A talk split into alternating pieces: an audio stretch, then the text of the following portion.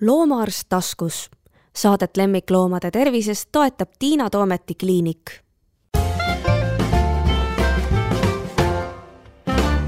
tere! kuulate järjekordset podcasti Loomaarst taskus. mina olen Tiina Toomet ja minu vastas istub minu kolleeg Kai Laars. tere, Kai! tere, Tiina! väga tore, et sa said oma pisikese pojakese kõrvalt aega tulla meiega vestlema, mul on juba ammu olnud plaanis, et sa tuleksid siia ja räägiksime kohe terve selle saate ajal koerte ja kasside hammastest. see on ilmselt see teema, mis sind ka niimoodi kõige rohkem põnevile ajab veterinaarias, ma saan aru? no viimased aastad jah, ütleme nii et, et üheksakümmend protsenti tööst on hambad ja A väga vähe jääb muuks aega. aga miks nii juhtus, kuidas need hambad sind siis võlusid ära? Eks ma pea vist süüdistama oma esimest tööandjat, sest äh, nemad leidsid, et ma võiks hakata hammastega tegelema. siis oli kõik see asi veel väga lapsekingades, aga mida rohkem sinna süveneda, seda huvitavamaks asi läks noh, nii on vist enamike asjadega, et kui sa juba hakkad süvitsi minema, et siis läheb üha põnevamaks. mul oleks selline intrigeeriv küsimus sulle esimeseks, et aga milleks üldse tänapäeva lemmikloomale hambad? Nad ju ei kisu oma saaklooma, nad ei näri, nad ei mälu oluliselt, et mis nad nende hammastega üldse peaksid peale hakkama? tegelikult äh, ega elada saab ilma hammasteta ka, eriti kui toit on piisavalt pehme ja kummalisel kombel, ega meil on äh, päris palju loomi, kellel kahjuks oleme pidanud kõik hambad eemaldama ja siis on enamasti omanikel küsimus, et aga kuidas ta siis sööb. samas jälle peale hammaste eemaldust enamik sööb paremini kui enne hammaste eemaldust jaa, seda oleme meie ka märganud, et, et tõesti, kui mõelda, et tal on mingisugused valutavad, loksuvad hambad suus ja ta peaks nendega seal kuidagi toidu kallal opereerima ja pärast on tal siis need suhteliselt hästi ära paranenud tugevad igemed, et siis ilmselt on nagu loogiline, et on, ongi lihtsam.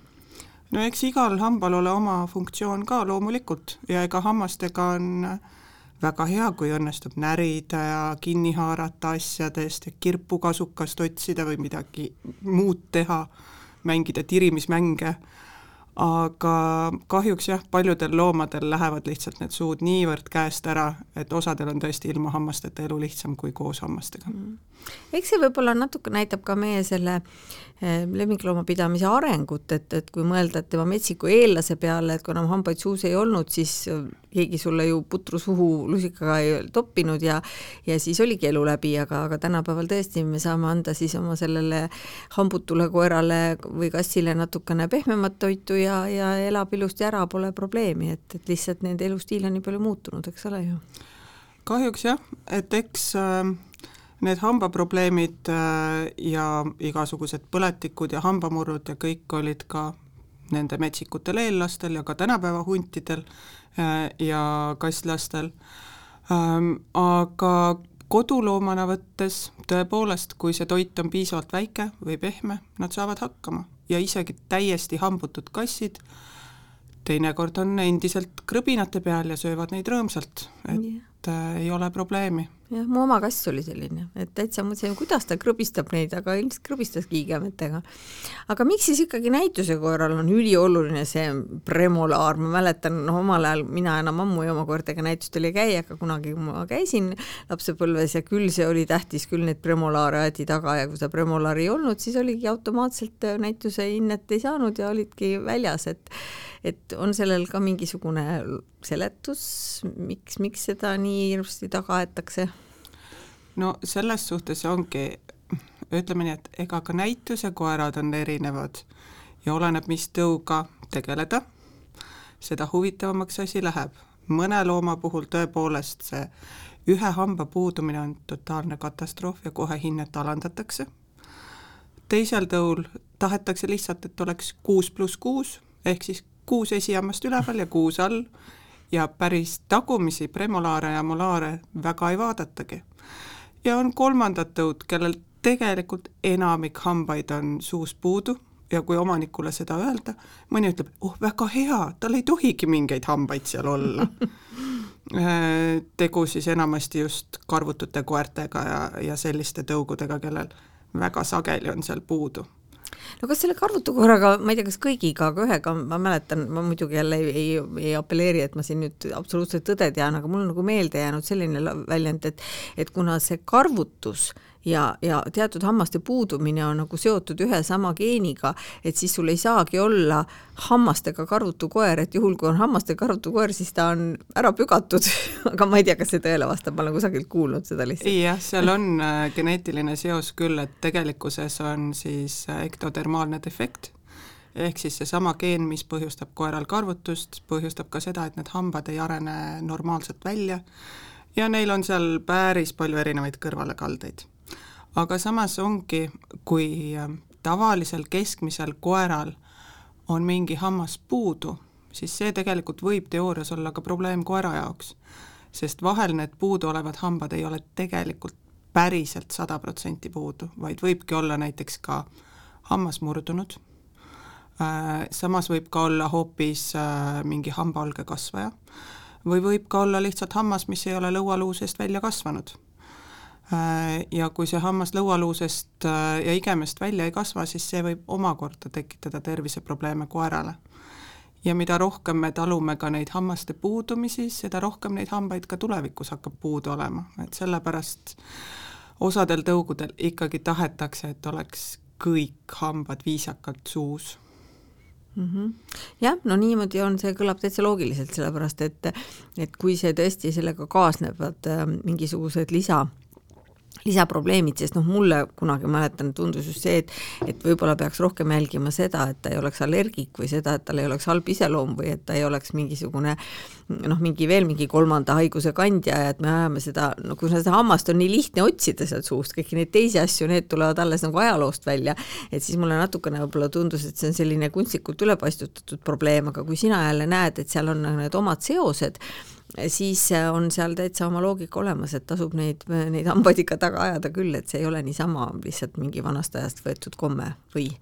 no ütleme nii, et ega alati ei ole neid hambaid nii lihtne otsida ka, et vahel tõepoolest äh, näeb kõik ilusti ära, aga oleneb koera iseloomust äh, ja kõigest muust, kas see hammas näha on ja kui lõikumata hammastest rääkida, noh, need on alles röntgenil näha mm. -hmm. aga näitusekoer kahjuks jah, on hoopis niisugune teine teema, et näituse ja aretuse suhtes kindlasti tuleks vaata, vaadata seda tervikpilti, et äh, jah, ka need allergiad, iseloomuvead, äh, ülejäänud tervis ja kõik muu mängib ülisuurt rolli, aga lisaks ka hambad mm. -hmm see, see, mis on selline päris esimeste elukuude probleem tihtipeale väikeste koerte, kutsikate omanikele, on see, et piimahambad ei tule ära. mis on seal seletus, suu on liiga väike, no tegelikult ilmselt ei ole ju, see, ta on ju proportsioonis ikkagi nagu enam-vähem vist normaalne, et, et mikspärast me ikkagi näeme neid puudleid ja jorkisid ja muid selliseid kääbustõuge, kellel piimahambad ei eemaldu ja, ja, ja tegelikult mul isegi ei tule meelde, on sul olnud mõni, mingi suure tõu esindajaga, oled sa pidanud piimahammast eemaldama? on olnud. on, ma ei tea, Rottweileril no, või Saksa lambakoeral või? põhimõtteliselt sakslast on ka olnud ja, ja. Mm -hmm. aga suurtel koertel see probleem tõesti on oluliselt harvem esinev. väikestel kummalisel kombel teda on jah tihti, aga tõenäoliselt ikkagi see aretus ja loodus päris käsikäes ei käi. iseenesest hambad väikestel koertel on ülisuured, et proportsionaalselt on väikse koera hammas hulka suurem kui suure koera hammas. Äh, samas sageli selleks, miks piimahammas ära ei tule, võib olla ka põhjus just äh, ka näiteks jäävhamba alge asendis, et see jäävhamba alge ei kasva päris õige nurga alt. Äh, igatahes jah, väikestel tõugudel esineb sageli seda, et et piimahambajuur ei hakka lagunema ja see hammas on seal raudpolt kinni. ja sellest omakorda võib neil tulevikus rohkemgi probleeme tekitada. iseenesest kõige vanem koer, kellel ma olen näinud, et piimakihvad on alles, on tõenäoliselt olnud seal seitsmeaastane umbes. ja siis ma ütleks, oli see jäävkihv hullemas seisus kui piimakihv isegi mm -hmm. ja läksid mõlemad hambad koos.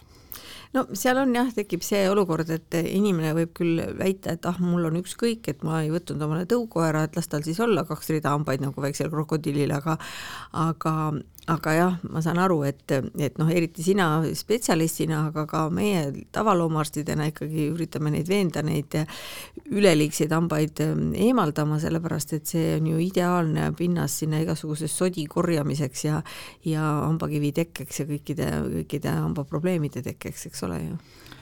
Tavaliselt jah, kui juba tekib äh, hammaste kuhjumine, et neid hambaid on üksteise otsas liiga palju, siis tekib ka seda kattu ja kivi kergemini ja kahjuks väiksed koerad, noh, neil on rohkem, et piimahammas ei tule ära, samas neil on ka rohkem seda, et tekib periodontiit. ja need asjad omavahel on seotud, et piimahamba olemasolek võib suurendada periodontiidi ohtu. aga isegi, kui neid piimahambaid ei ole, et kas sa ikka ütled, et ikkagi see periodontiidi teke on nagu suurenenud nendel väikestel kui suurtel? väikestel koertel jah, tegelikkuses see periodontiidi oht on äh, peaaegu saja protsendi lähedane. on sellel mingi seletus, on selle kohta tehtud mingeid uuringuid, oskad sa kuidagi seda põhjendada? Äh, seal niisugust konkreetset seletust ei ole, äh, samas ongi üks asi just see, et väikestel koertel need suud on väiksemad ja hambad suhteliselt suured, nad ka närivad vähem vabandust. aga väikestel koertel tõepoolest äh, tekib seda kattu ja kivi oluliselt rohkem kui äh, suurtel koertel ja sealt läbi ka seda periodontiiti. ning jah, kui vaadata mm, paariaastaseid äh, Yorkisid ja Chihuahuasid, teatud tasemel neil on seal suus juba päris korralik põletik aga see on muidugi hästi huvitav, sellepärast et meil võib olla ka mõni suur koer, kes ei näri, aga tal ikkagi tekib seda vähem, noh, seal on üks väga suur tegija, on ju tegelikult süljekoostis, et kas me võiksime mõelda, et äkki nendel väikestel kõigil on süljekoostis teistsugune, ei saa ju olla vist või saab? on uuritud süljekoostist äh, kui sellist ka, aga niisugust sajaprotsendilist põhjust ei ole leitud mm. -hmm. et selles osas see on ikkagi teatud piirini natuke müsteerium samas äh, kui vaadata populatsiooni tervikuna, siis tegelikult teatud määral niisugust periodontiiti esineb ligi seitsmekümnel, kaheksakümnel protsendil võib-olla koertest, kassidest.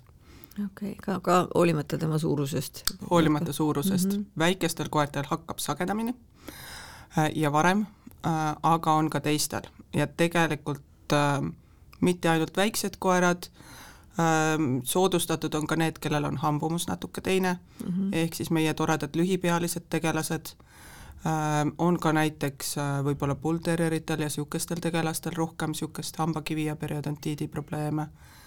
samas ka periodontiiti oleme tõsisel kujul näinud ka näiteks niisugustel kolmkümmend pluss kilo koertel mm. -hmm naljakas on see, et minu Boston terrier, kellel olid need alumised hambad küll jumala puseriti suus, et temal ei olnud hambakivi, kuni elu lõpuni ta elas mul kaheteistaastaseks. et noh, ma ka eeldasin, et tal saab olema just tänu sellele, et tal need noh, kõik need hambavahed ja kõik see oli selline nagu ideaalne paik, kuhu võiks igasuguseid asju koguneda. aga ma ei tea, temaga ei, nagu ei juhtunud midagi, aga see, see on jah, nagu vist ilmselt vedamine see pigem on vedamine ja tegelikult on ka niisuguseid tegelasi, kellel pealtnäha ei ole midagi, aga niipea, kui teha näiteks äh, röntgenpilt, siis seal on näha. Äh, ja meil on päris sagedased ka näiteks lühikoonulistest mopsid, kus on ka tulnud kolme-nelja-aastase koera omanik kaebusega, et hammas kukkus suust välja, mis nüüd saab tema meelest pole ole... midagi enne nagu häda olnud, eks ju. ja enne ei ole midagi nähtavat uh -huh. häda olnud, ta ei arvagi, et seal suus midagi erilist on ja tegelikult see ei ole üksikjuhtum, et päris paljud äh, inimesed avastavad probleemi alles siis, kui neid hambaid kogemata on pudenenud mm. -hmm no aga arvestades seda, et koer tihtipeale neelab selle hambaga alla, minu meelest piimahambad nad neelavad kõik alla, ma pole oma ühegi koera piimahambaid põrandalt leidnud. et siis võib-olla ta ei märka sedagi, ta lihtsalt märkab seda auku siis ühel päeval seal suus või? oleneb, kui palju koerale suhu vaadatakse mm, -hmm. sest äh, kui just ei ole tegu näituse koeraga, kellel loetakse hambaid, siis kui tihti tavaomanik ikka suhu vaatab mm. -hmm. Aga jälle, kui sa nüüd ütled, et seal ei olegi võib-olla väga midagi näha, mul hakkas kohe nüüd süda valutama, Paula, Paulakest nüüd ammu enam ei ole, aga et võib-olla ma oleks pidanud hoolikamalt teda, teda uurima, et kui see tõesti nagu tavalisel visuaalsel ülevaatusel ei ole midagi tuvastatav, et kas me peaksime siis hakkama mingist vanusest mingitel tõugudel või kellel siis propageerimagi sellist väga korralikku hambaülevaatust anesteesias või on see juba nagu liiga kaugele minek? Ütleme nii, et see liiga kaugele minek ei ole. Äh, samas jällegi niisugusel äh, noh, ütleme põhjalikul arstlikul kontrollil vahel on näha probleeme, aga teinekord on äh, esimeseks vihjeks ka lihtsalt halb hingeõhk või mingi turse näopiirkonnas või, või kerge söömisraskus. Ähm, üks hea asi on ka näiteks koerad, kes teevad tõesti oma suuga tööd nende omanikud äh, taipavad seda valu ja ebamugavust suus võib-olla paremini, et on tulnud ka just IPO ja varrukaga tegelevad koerad, kes ütlevad, et koerahaare ei ole enam see mm, -hmm. midagi on teisiti. et siis on ka näha, et midagi toimub see on nüüd selles mõttes väga huvitav teadmine, et esiteks muidugi tõesti iga-aastasel koera või ka kassi, muidugi kassini me pole jõudnud, me muudkui räägime koerast, aga kass on ju veel omaette ooper nii-öelda ülevaatusel, et, et kui ka tundub isegi arstile pealtnäha, et kõik on ilus, aga mingisugused sellised kõrvalekalded on, mida sa siin praegu mainisid, et siis ikkagi tasuks äh, panna aeg spetsialisti juurde ja muidugi seda me peame siin nüüd rõhutama veel üks-kaks-kolm korda, et inimestele meelde jääks, et et suuõõne korralikku ülevaatust me ei saa teha ärkvel oleval loomal, eks ole ju? kahjuks tõepoolest, et ähm, kindlasti korraliku sellise ülevaatuse jaoks on vaja anesteesia ja on vaja röntgen. et ilma selleta ei saa sada protsenti väita, et kõik on korras?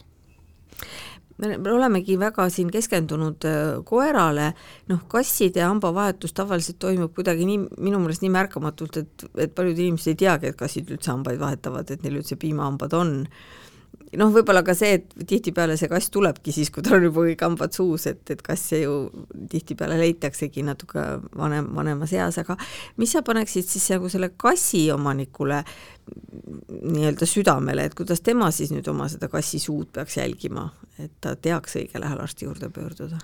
oi, kassid on ka niisugused head isepäised loomad, et ega seda ongi raske jälgida.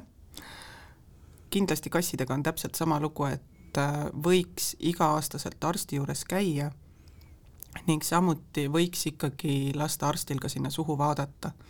on kasse, kellele protseduurid absoluutselt ei istu, on ka selliseid ärkvel suu ülevaatuseid, et äh, kui kass näkku sisiseb, et siis sa näed, mis probleemid seal on, aga oma sõrmi väga sinna panna ei taha. aga kindlasti kassiga on täpselt sama lugu, et Ähm, kergemate probleemide korral ta võib täiesti vabalt ka süüa, pealtnäha normaalselt, alles siis, kui hakata uurima, et kas ta ikka närib oma toitu või pigem ta neelab ja kas on mingeid ebamugavusi. mõni omanik suudab välja tuua selle, et on probleemid. kõige kummalisem on see, et just kassidega on esinenud seda, et äh, kui enamik kasse ähm, suuõõne probleemide korral hakkab sööma pehmemat toitu siis on ka selliseid kasse, kes vastupidi, on hakanud eelistama hoopistükkis krõbinaid hmm.. ja just selle mõttega, et tõenäoliselt see pehme toit ikkagi jääb neil hammaste külge ja, ja moka vahele rohkem kinni. kui on piisavalt väike krõbin, ta saab selle mugavalt alla neelata ilma närimata. no aga hambapesu ikkagi on siis ilmselt selle katu esmane nii-öelda tõrjevahend või? kui ennetusest rääkida, siis jah, hoolimata sellest, et ilvesed ja hundid ja kes iganes veel ei pese hambaid, siis tänapäeva lemmiklooma äh, hammaste pesu on juba suhteliselt tavaline teema. enam koeraomanikud ei minesta, kuuldes sõna hammaste pesu. Kassiomanikud äh, on ka vähem üllatunud äh, ja on täitsa omanikke, kes äh, saavadki oma probleemid kontrolli alla, hakates regulaarselt harjama.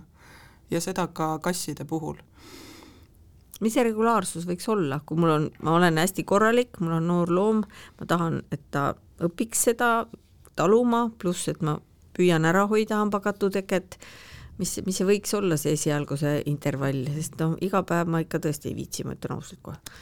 no ütleme nii, et äh, kui aus olla, äh, kui ise hambaarsti juures käia, mis hambaarst teile ütleb? issand, ta saadab mu selle suuhügienisti juurde, mul on niisugune tunne nii ja. ja mis see hügienist ütleb, kui on puhtaks teinud ilusti?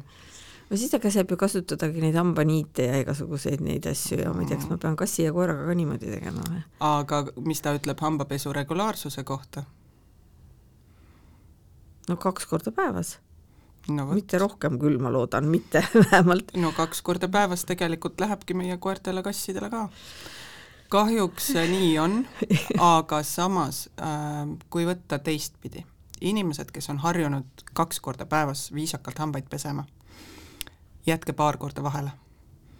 ja siis te tunnete, mis katt ja kiht teil hammaste peal on.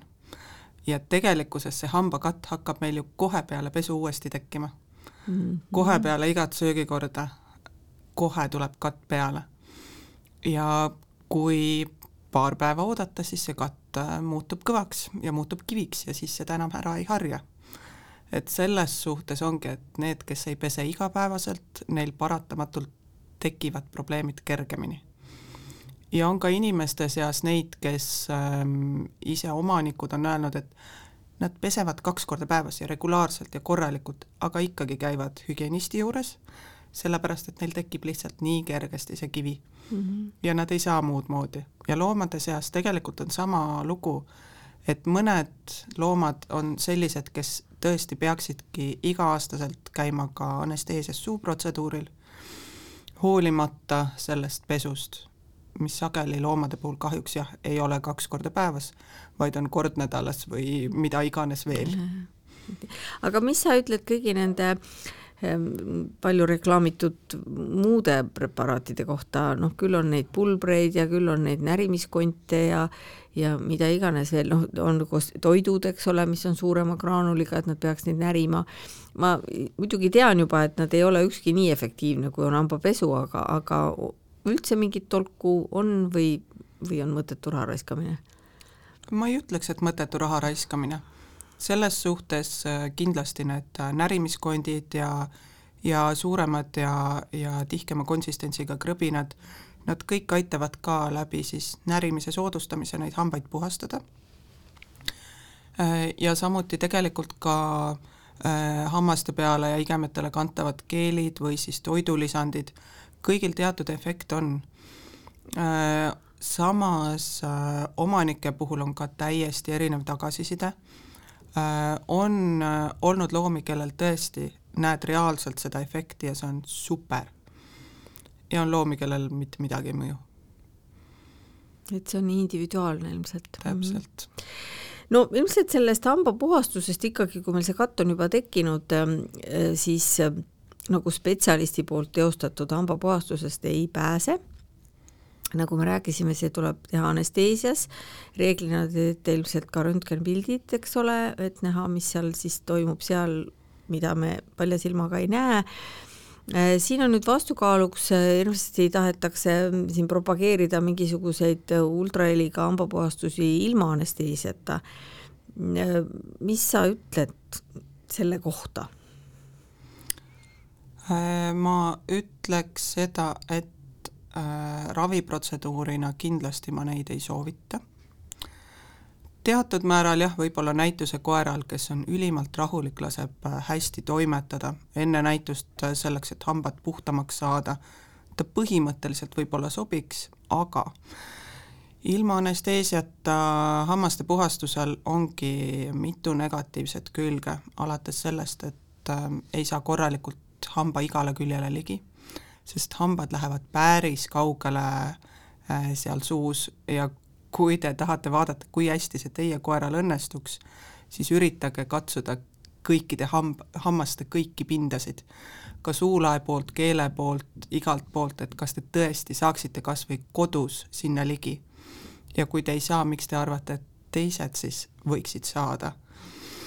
samuti on väga suur oht ka hambaid ja igemeid vigastada.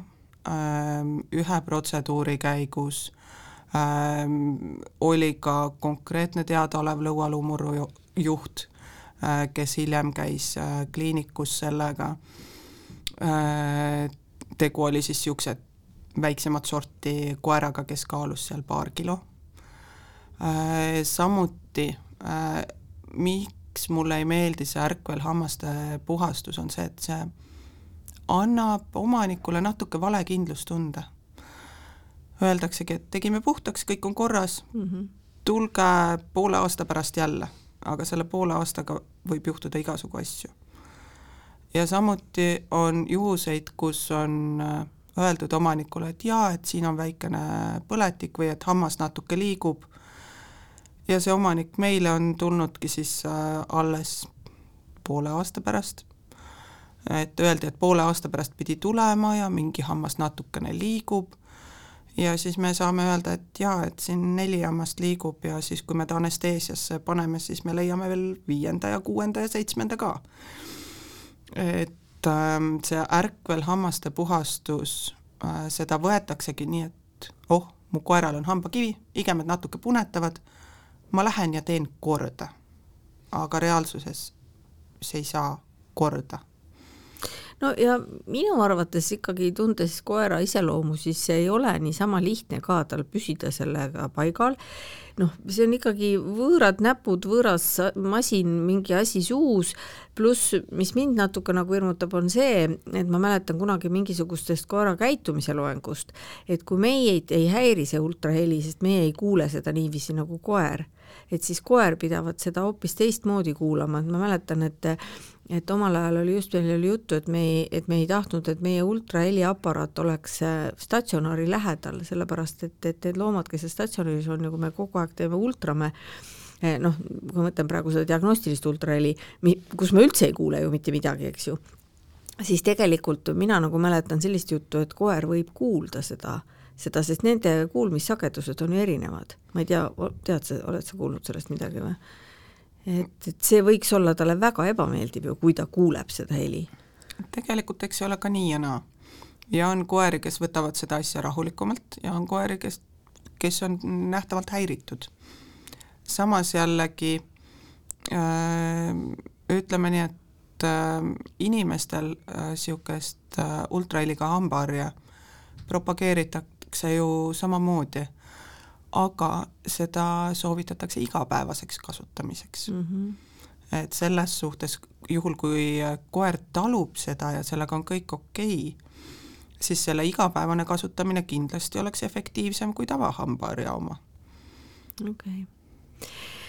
mina mäletan nüüd kolmkümmend aastat tagasi ma sain oma esimese selle mm, aparaadi siis, millega sai ultraheliga hambakivi eemaldada, sain oma mentorilt Soomest see oli tõeline imeasi ja ega neid loomaomanikke ka, kes mingi tühipalja hambakivi pärast üldse oleks lubanud oma koera anesteesiasse panna, sest noh, anesteesiat ju tol ajal kardeti ikka hirmsasti, ega neid palju ei olnud, noh tänapäeval kõik juba teavad minu meelest see teadmine, et, et kui koeral või kassil on hambad käest ära, et siis tuleb arsti juurde minna ja protseduur tehakse anesteesias ja hambakivi eemaldus ei ole ka mingi ime, mis praegu, no kuna sa oled ka spetsialiseerunud ja sinu kliinik on spetsialiseerunud teatud määral ikkagi nendele hambaprobleemidele, et mis praegu oleks nagu sinu jaoks selline, mis, mis tundub nii imeasjana, kui mõelda kümme aastat tagasi, millal sa siis alustasid nende hambaasjadega, et, et kuhu, kuhu sa oled nagu jõudnud selle arenguga, et mis, mis on hakanud need uued asjad, mida, mida on hakatud tegema ja, ja mida inimesed juba hakkavad võtma, et aa okei okay,, et tulebki, tulebki loomahammastega niimoodi toimetada. on sul mõni näide või? no tegelikult ongi, ega viimase kümne aasta jooksul on äh, päris palju muutunud kaasa arvatud juba see, et äh, ka nüüdisajal enam ei ole hambaröntgen imeasi, ka see, et äh, vaadatakse sinna suhu, äh, on hakatud hambaid pesema, et see on juba saanud suhteliseks niisuguseks peaaegu tava, tavapäraseks. imeasjadest kindlasti on päris palju ähm, ja kindlasti on väga palju asja, mida mida veel äh, loomade hammastega ei tehta, aga inimeste hambaravi on juba ammuilma teab kuhu arenenud. Äh, põhimõtteliselt äh, on ka asju, mida saaks loomadel võib-olla teha, näiteks a la proteeside panek, aga kuna jällegi enamik inimesi ja omanikke ei taha siis loomahammaste eest nii korralikult hoolitseda ja siis jällegi äh, proteeside panek on pigem hetkel niisugune utoopilisem, et äh, kui ei suudeta päris hammaste eest hoolitseda, siis, siis ei ole mõtet uusi suhu panna. aga plombeerimine, juureravi? Äh, jällegi äh, juureravi samamoodi, kunagi ta oli harva tehtav. nüüd ma ütleks, et meil kliinikus on äh, juureravi ja plommide panek põhimõtteliselt iganädalane. Äh, oleme ka juba pannud hambakroone tsirkooniumist, ähm, aga kroonide panek veel on niisugune harvem juhus.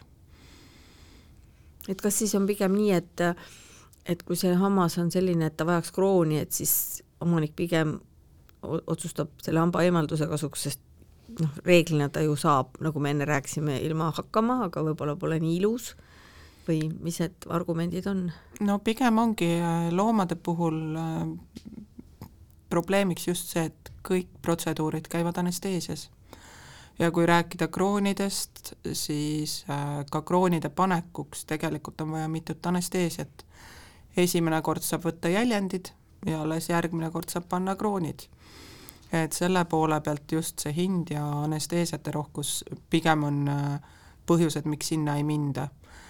ja samamoodi äh, iga murdunud hammas tegelikkuses ei pea saama krooni äh,, ja kroonid pigem on just äh, kaitseks neile koertele, kes on niisugused keskmisest suuremad närijad võib-olla. aga murdunud hammas igal juhul vajab ju sekkumist et see ei ole nii nagu vanasti, et, et noh, kui ma mäletan omal ajal, kui mina õppisin, siis nagu koera või kassi hammas, ei olnud üldse teema.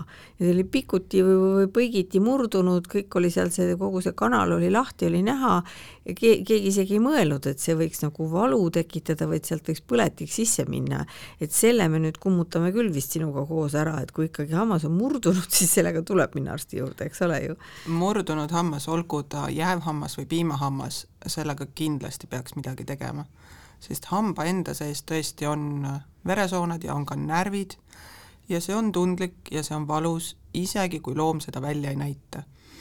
et ähm, jällegi, kui äh, hammas murdub, siis äh, mõned omanikud saavad sellest valust aru ja on omanikke, kes äh, on öelnud, et jaa, et sel päeval, kui juhtus ja järgmine päev ka, et tundus, et tal oli valus aga edasi ta ei näidanud enam välja.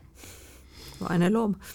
vaene loom jah, aga eks ta nii olegi, et saab ju õppida sööma natuke teistmoodi ja ka seda me oleme näinud, et kui ühel pool on suur närimishammas murdunud, siis tegelikult sealpool, kus see hammas on murdunud, sinna on kogunenud äh, sageli ka rohkem hambakivi, sest koer lihtsalt närib teise poolega mm -hmm. ja mhm. nii ongi ja kliinikusse tulevad nad hoopis selle tõttu, et äh, pool nägu on paiste läinud. aga murd ise on võib-olla pool aastat äh, või isegi kauem vana.